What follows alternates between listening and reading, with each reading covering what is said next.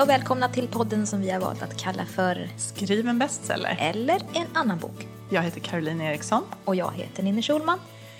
Hur är läget med dig Ninni? Hur har eh, din vecka varit sen vi såg senast? du börjar med en suck. Ja, det har, det har faktiskt varit skitjobbig vecka. Nu har det börjat rätta till sig, men riktigt jäkla hemskt. Aj, aj, aj, berätta. Nej men usch, jag står ju i begrepp här nu och börjar skriva på något nytt. Och det har varit mycket med alla bokmässor och allt ett tag så att jag känt att ja, men det, det är lugnt, det är lugnt. Och så nu i veckan så fick jag en sån här riktig panik att nu måste jag börja jobba, nu måste jag börja skriva. Och så hängde det kvar någonting. Vi, vi hade ju ett sånt otroligt inspirerande samtal med Anna Schultze. Ja, verkligen. Ja, där hon, jag kommer inte ihåg exakt hur hon sa, men det var ju någonting med att, att om man når eh, kärnan i sin egen berättelse på något vis så det där man eh, hittar sin berättarglädje, sin riktiga röst på något sätt. Och, och jag har ju då eh, bestämt mig för att nästa bok inte ska vara en del i Hagforsserien utan någonting annat. Och, sådär. Och, och då när hon sa det här om kärnan så började jag tänka på, på min kärna. Eh, och eh, tänkte att jag skulle skriva någonting som någonting inte riktigt kanske självbiografiskt men definitivt självupplevt. Som jag tror också på riktigt skulle kunna ha någon typ av av allmängiltighet över sig som kan, kan ja, många kan känna igen sig i i alla fall. Och så började jag då tänka på det här i veckan och jag fick, så, så fick jag sån otrolig ångest. Alltså på riktigt, riktigt så här kallsvettas och skaka och Tryck över bröstet. tryck över bröstet och andnöd och, och hela, hela biten. Och jag tänkte, nu är jag nära någonting. Nu är jag nära någonting. Jag, jag vet, jag skickade något sms till dig om att råångest kanske är det nya pirret. men, men, men, men sen så ju, ju mer dagarna gick och, och, och så, där, så, så blev jag rädd. Jag tyckte det var otroligt jobbigt. Jag tänkte att är det här värt det? Ska jag skriva var det- någonting som gör mig och får mig så dålig, må så otroligt dåligt? Ska jag ägna ett år åt att må dåligt? Är det värt det? Och sen började jag skämmas för att jag inte är nog mycket konstnär så att jag orkar vara i den där ångesten, typ. Och, och tyckte att jag, var, att jag är ytlig och, och feg. Konstnärligt feg. Ja, det var hemskt. Så, mycket. Ångesten väckte av, väcktes av tanken på att, att alltså blotta tanken på att eh, använda de här erfarenheterna Ja. i skrivandet. Ja. Någon fråga om att, att våga eller att orka eller att, eh, hur? Det börjar med att jag, eller jag börjar sortera då. Vi ska ju prata om dramaturgi idag, så att eh, det tangerar ju det här. För jag, jag börjar då minnas mycket eh, saker då, som har hänt, som jag skulle kunna använda i den här historien. Och så börjar jag försöka se på det på någon dramaturgisk, någon dramaturgisk kurva på något sätt. Och i och med det då så var det som att jag sköljdes liksom av, av, den här, av de här erfarenheterna, de här tankarna och framförallt känslorna. Jag upplevde känslor som jag inte har, har behövt eh, uppleva på väldigt länge. Så att eh, blev yr i huvudet. Liksom. Och då, då tänkte jag att är det här värt det? Liksom? Sen kanske man är, det, det kanske skulle kunna bli en bra bok. Men tänk om jag ägnar då ett år åt att skriva det här och må skit. Och sen blir det en jättedålig bok. Då är det definitivt inte värt det. Ja, för jag tänker på det, det som Anna sa också var väl det här att eh, hon uttryckte sig på något vis som att man, med varje bok så riskerar man någonting. Är det lite så Ja, det det skulle, jag skulle också riskera väldigt, väldigt mycket. Förutom mitt, eh, mitt psykiska välbefinnande så för skulle det jag också riskera... risk. Ja, det är Ja. Mm. definitivt en risk. För, för det är också det att jag i mitt liv idag, jag, jag mår bra Mm. eh, idag. Jag har det jättebra. Eh, och då är frågan om, om det är värt att, att frivilligt Mm. gå ner i det svarta igen eller om jag ska leva mitt liv och vara ganska lycklig och skriva om sånt som ger mig energi Mm. istället för tar energi. Var har du Eh. landat då? Var, var, eh, Ja, jag, nu, nu i torsdags, då, fredags där någonstans, så då, då fick jag bara nog. Jag, det var som att jag eh, satte på ett lock på den här tryckkokaren och bara liksom... Det där klassiska. jag la en stor sten ovanpå locket och bara ställt undan den. Det bara pyr där inne och jag orkar, jag orkar, inte, jag orkar inte med det. Jag orkar inte med det. Så nu har jag börjat tänka på en annan historia istället som känns mer... Den är också mörk.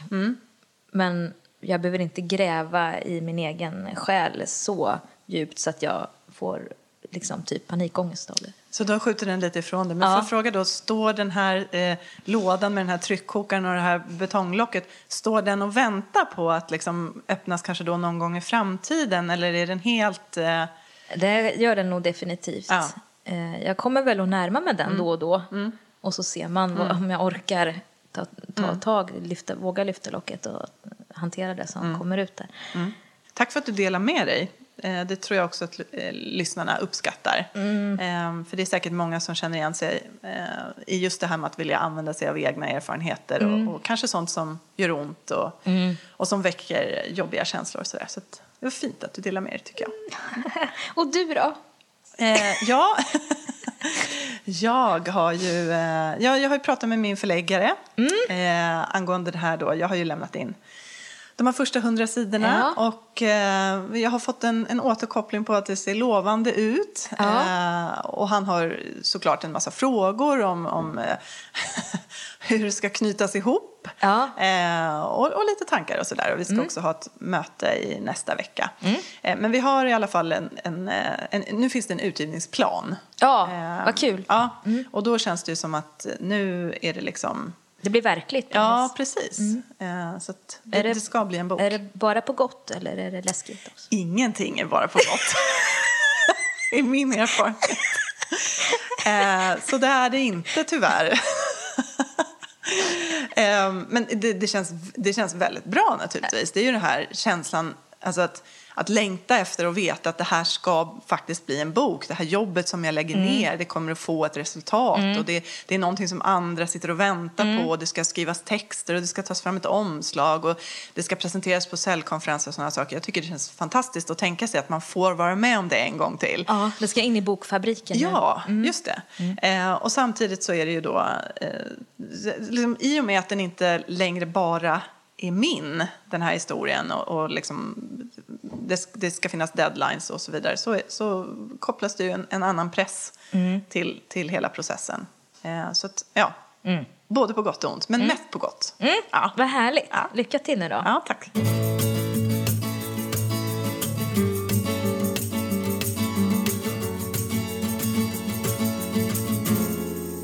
Vi ska ju prata om dramaturgi idag som sagt. Eh, Mm. Vad tänker du på? Vad är dramaturgi för dig?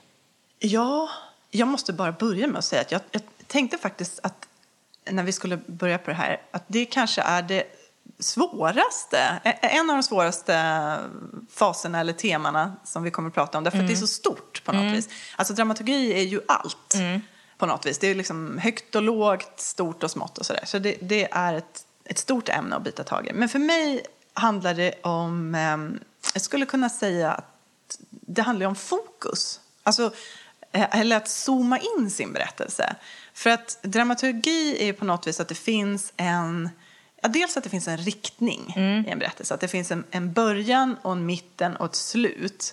Och det, vi är på väg någonstans. Det finns en tydlig riktning. Man liksom vet vad är det för fråga som läsaren liksom vänder blad för att få svar på lite grann. Det har jag hört någonstans. Just det här att vad är det för fråga läsaren vänder svar på? En nyfikenhet, på? något angeläget. Ja, vad är det man vill veta? Vill man veta vad det är som har hänt Mm. eller vad som kanske ska hända?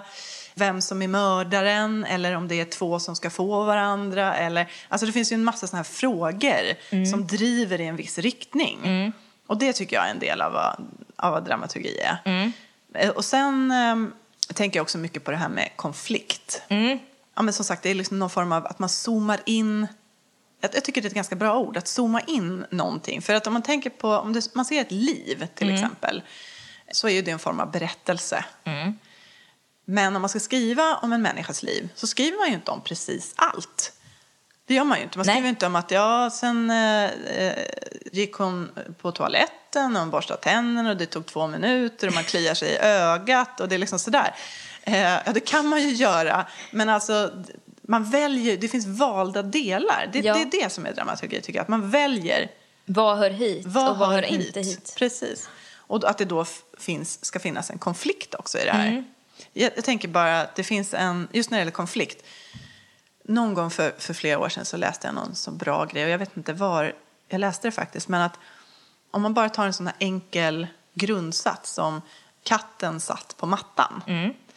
Så innehåller det, det är egentligen ingen spännande mening. Men om man säger katten satt på hundens matta Ja, där, har vi liksom, där, där antyder man en konflikt. Och det är liksom det som är, man måste få till en konflikt i en historia för att Ja. det ska kunna driva fram Ja. någon form av dramaturgi.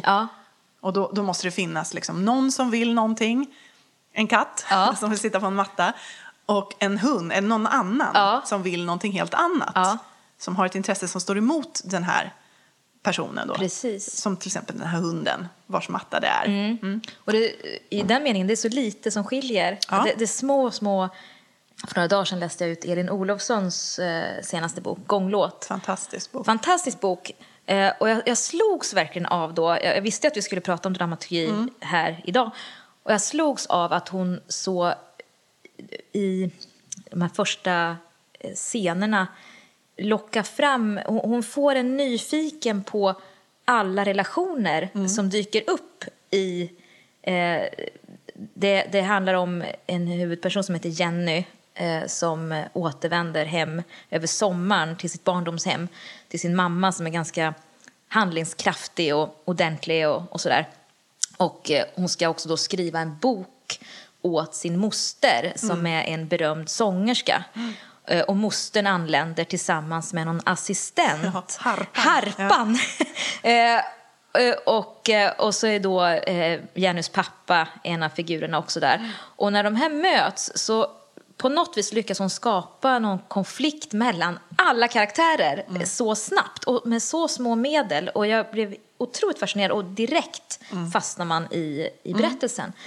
Så att ehm, den kan man ju närstudera de Ja, första kapitlen. Just med det här med konflikt. Ja, och det är ju inget mord eller Nej, någonting precis. sånt. Utan det handlar om, om saker som har hänt förr, antydningar, eh, små, små, små nyanser i vad man säger och vad man inte säger. Eh, Så det behöver inte vara så storslaget Nej, det här med dramaturgi. Man, man tänker ju ofta det att det ska vara något bombastiskt i början som verkligen ska fånga och, och driva liksom. Det, det kan vara ganska små medel men ändå Vardagsdramatik är Ja. oftast, eh, eller kan ofta vara i alla fall. Ja, men man måste tänka på det. Jag tror att Elin har tänkt extremt mycket när hon har skrivit eh, den här starten på hur hon ska få in allting så tydligt och, men, men eh, ändå nyansrikt. Så.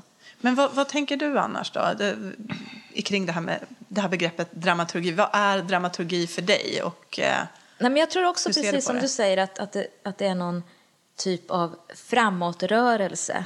Var, var ska jag med Mm. min berättelse? Vad hör hit och vad hör inte hit? Och någon nyfikenhet.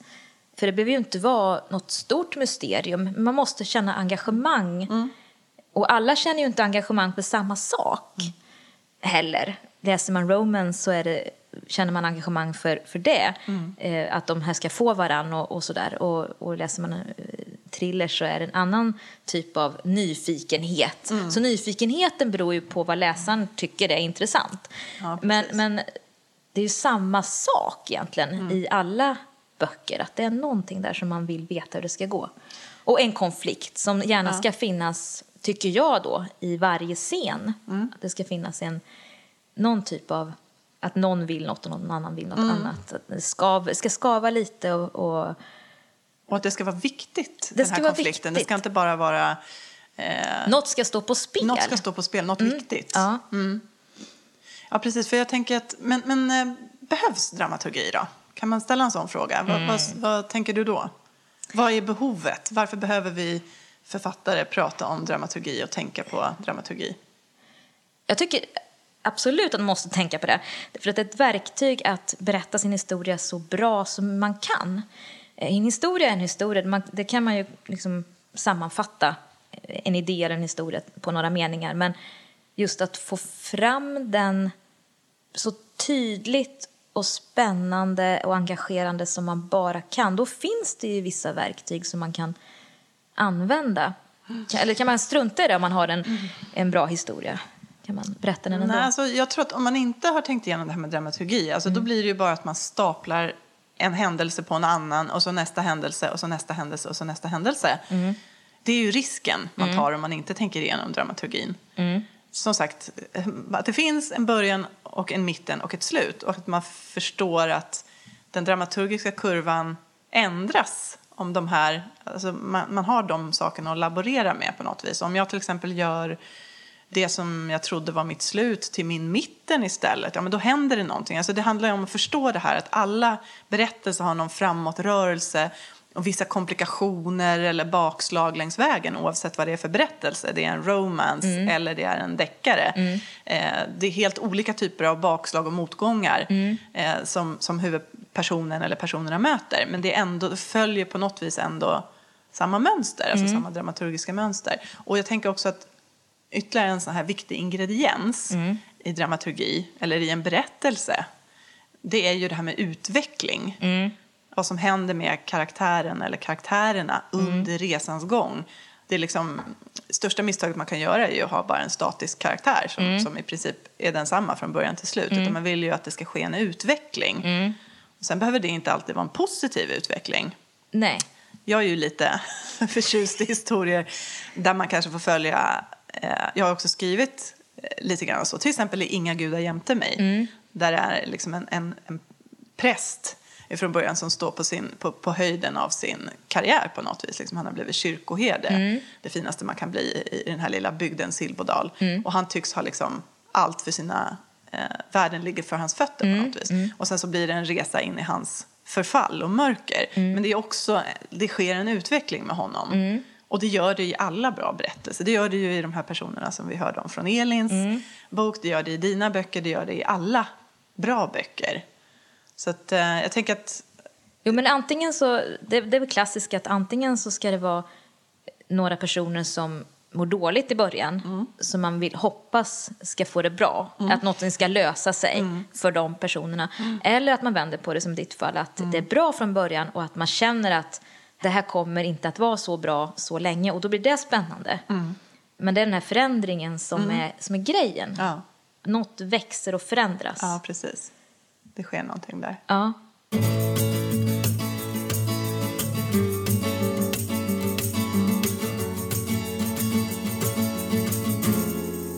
Synen på dramaturgi är ju delad kan man säga. Det upplever jag också väldigt Ja. starkt faktiskt. Det är lite fint att strunta i den.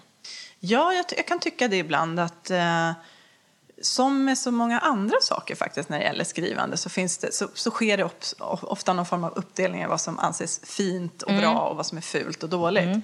Och när det gäller just dramaturgi så kan jag ja, men för det första kan man ju dela in de flesta historier, om man ska lite så här schablonartat så kan man väl säga att de flesta historier kan delas in i antingen historier som är karaktärsdrivna Eh, alltså som drivs av att man är intresserad, man sugs in i de här personerna, man vill veta eh, hur deras utveckling ska se ut.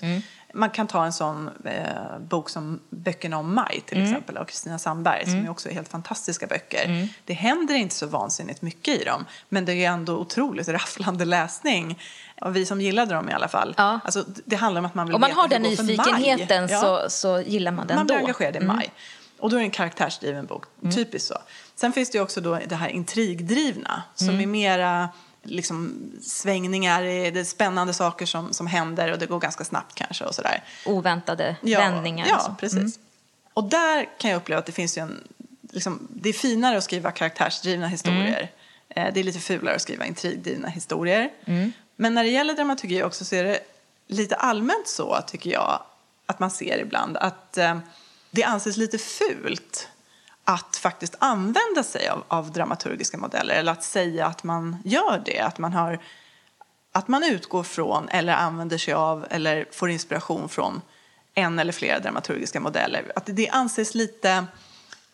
Man är liksom finare om man får hålla sig lite fri till det där, om man skriver helt intuitivt. Och man, att det blir lite som ett förakt nästan. Att Ja. man, eh, om du använder en dramaturgisk modell, jaha, du bara Kopierar. reproducerar. Ja. Ja, precis. Det är Att liksom inte en unik historia. Mall. Ja. Så. Och, och det tar jag starkt avstånd ifrån det synsättet faktiskt. Hur känner du? Nej, men jag känner samma sak. Det, det är lite grann som... Jag fick ju något utbrott här för några avsnitt sen när jag tyckte att det var vansinnigt med människor som vill skriva som inte själva läser för att de vill inte förstöra sitt eget språk med att läsa andras böcker. Oj, oj, oj. Då har man ganska eh, liksom, sviktande talang tycker jag om, om man förstörs av att läsa. Och det är samma sak här tycker jag att, att em, dramaturgi är jätteviktigt. Och det finns olika modeller. Och jag tycker man ska ha man måste tänka på det här. Sen, sen om man kan skriva och, och har skrivit flera böcker och känner att ja, men nu, nu struntar jag i det här, nu, men då vet man vad man struntar i.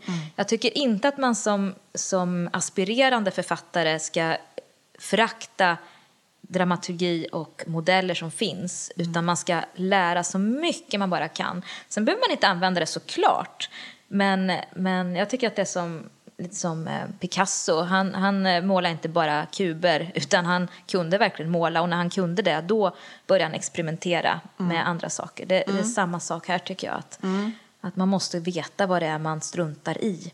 Ja, jag tänker också att de som kanske är duktiga på att laga mat, då, vilket jag inte är, men eh, som min man till exempel, han är väldigt duktig på att laga mat. Ja, men, och, och från början var han inte det. Så började han följa olika recept och så gjorde han det jättelänge. Då, lär, då lär han sig vad är det för beståndsdelar i det här receptet och hur jobbar de ihop och vad händer om jag utelämnar den ena och den andra. Nu lagar han väldigt mycket mat liksom från, fritt. På gehör. Ja, på gehör. Exakt. Och vilket jag aldrig skulle kunna göra. Jag, jag för att kunna laga mat måste följa ett recept. Eh, och det är lite samma sak som med, med skrivande eller dramaturgi. Att innan jag är liksom riktigt förtrogen med någonting så finns det en poäng i att lära sig de här olika stegen eller verktygen för att förstå dem. För det är sen när jag gör det, då kan jag lämna dem därhän. Och liksom, för då vet jag att ja, men det här kan jag strunta i eller det här kan jag utelämna eller det här, här tar jag mig en frihet och bryter mot den regeln och så. Men det liksom sker på ett medvetet sätt snarare än på ett, ett omedvetet och ganska nonchalant sätt. Man ska, man ska, man ska inte förakta, tycker jag. Precis. Jag, jag tycker att det, ja, det är ganska viktigt. Mm. Eh, och sen handlar det väl mer om kanske hur man använder de här modellerna. Mm. Om man nu använder någon. Att jag förespråkar inte heller att man liksom ska ta eh, någon modell rakt av där det står att på sidan 83 händer det här. Nej. Och, så. och det finns ju inte så många modeller som är så eh, liksom, jättedetaljerade så. Men ett sätt som jag tycker att det ofta fungerar att använda dramaturgiska modeller det är att titta på dem kanske när man har kommit en bit på väg. Eh, om man kanske har fastnat. Eller man upplever att det är något som inte stämmer. Man, man, man känner liksom, det kan ju vara halvvägs eller när man är klar med sitt första utkast så känner man det här stämmer inte riktigt. Man, man får också den responsen från testläsare eller så. Då tycker jag man kan ha jättestor glädje av att tänka igenom lite dramaturgiska modeller och se vad finns det för skruvar som jag kan dra på som, som eh, kanske gör det här bättre. Så har jag jobbat jättemycket. Gått tillbaka till olika dramaturgiska modeller, framförallt i efterhand eller när jag kör fast eller när jag inser att det behövs någonting mer. Och så jag tänker att det handlar också om hur man använder dem. Ja. Det är inte att man lägger det som ett karbonpapper och så ska man skriva efter det utan att man, man tar stöd. Ja.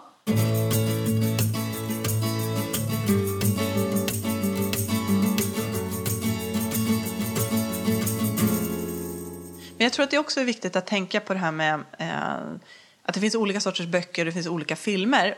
Och, och, och det här är också någonting att tänka på tycker jag att eh, när man eh, genrebestämmer det man håller på med. Är, för en berättelse kan ofta, en och samma berättelse kan oftast berättas på olika sätt så att Ja. den tillhör olika genrer. Alltså, eh, De försvunna hade kanske kunnat bli en romance, vad vet jag? Eller en skräck. Du hade du fått jobba Ja, då- ganska mycket. Då hade jag fått jobba en hel del faktiskt. Men, men eh, man hade kunnat välja att berätta den eh, på, på olika sätt. Det hade kunnat bli en utvecklingsroman. Eller, alltså, Ja. man, man skruvar upp och ner på olika Ja, knappar för att få den att passa in.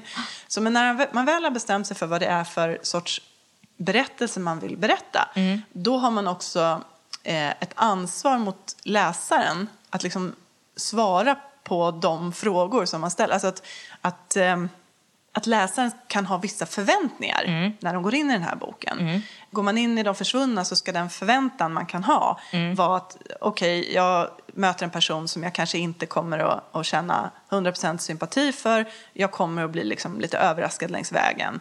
Eh, det finns en hel del psykologiskt mörker och sådär. Det är liksom det jag lovar läsaren i början av, av boken. Och då måste jag också leverera det. Det, det, är också, det är också ett svar på vad dramaturgi är. Eh, skriver jag en deckare då, då finns det en viss sorts dramaturgi som är underförstådd. När jag som läsare köper den här boken då väntar jag mig jag- kan inte liksom köpa en deckare och så på sista sidan så har jag fortfarande inte fått reda på vem var mördaren. Det är helt oacceptabelt. Alltså, Ja. Eller hur? Ja. Så man måste liksom tänka igen, eller romance. Ja. Jag vet inte.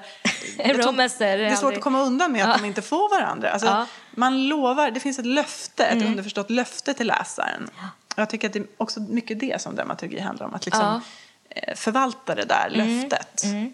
Det, det är också en sån här grej att genrelitteratur är lite fult också. Mm, just det, där Ja. har vi en till sån. Ja, och, och det tycker jag också att, att det ska man, man ska omfamna genrelitteraturen. Ja. Nej, men man, man ska vara, liksom, göra, man ska studera den eh, så att man vet vad det är man inte vill skriva om man inte vill skriva det eller om man vill göra något annat. Men, men det finns ju fördelar med genrelitteratur också ju.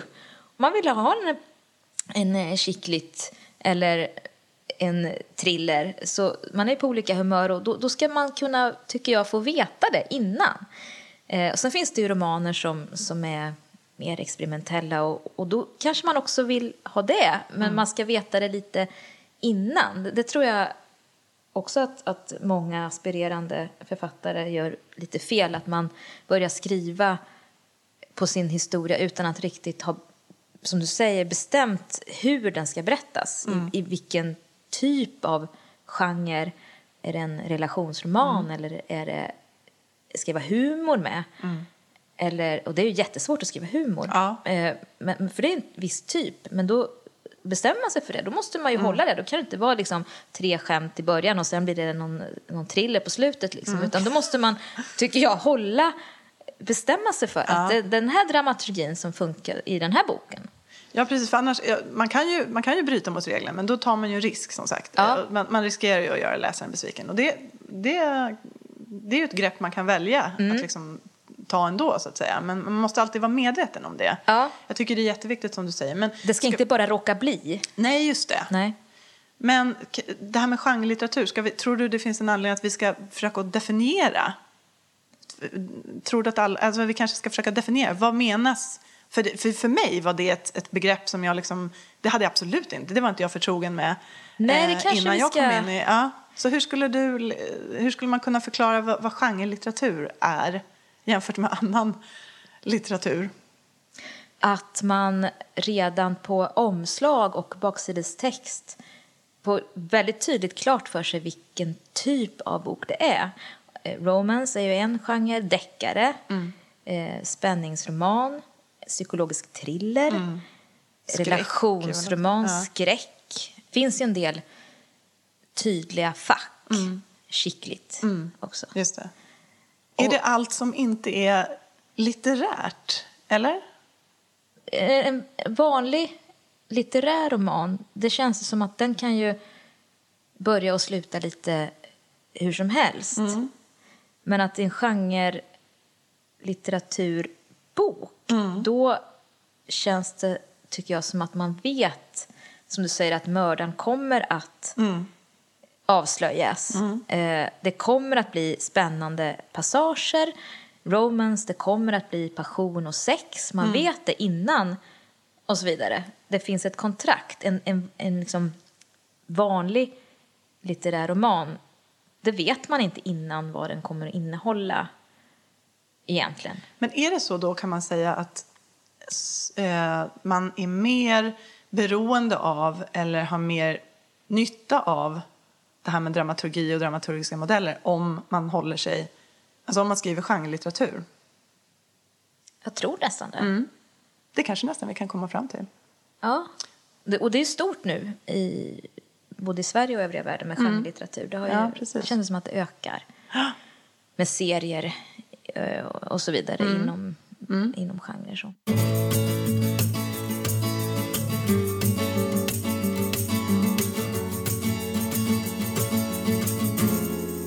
Ja, hörni, det blev ju ett eh, ganska fullmatat avsnitt, känner jag. Ja. Hoppas att ni känner likadant.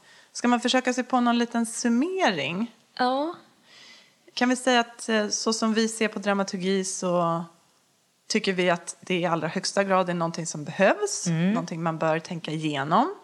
Att det handlar om riktning, att man ska veta var man är på väg, att det ska finnas en konflikt eller flera konflikter, att det ska finnas någon form av utveckling hos karaktärerna och att eh, det inte alls är fult, tvärtom, att jobba med, med och utifrån dramaturgi och dramaturgiska modeller. Man kan vara hur originell som helst inom den ramen.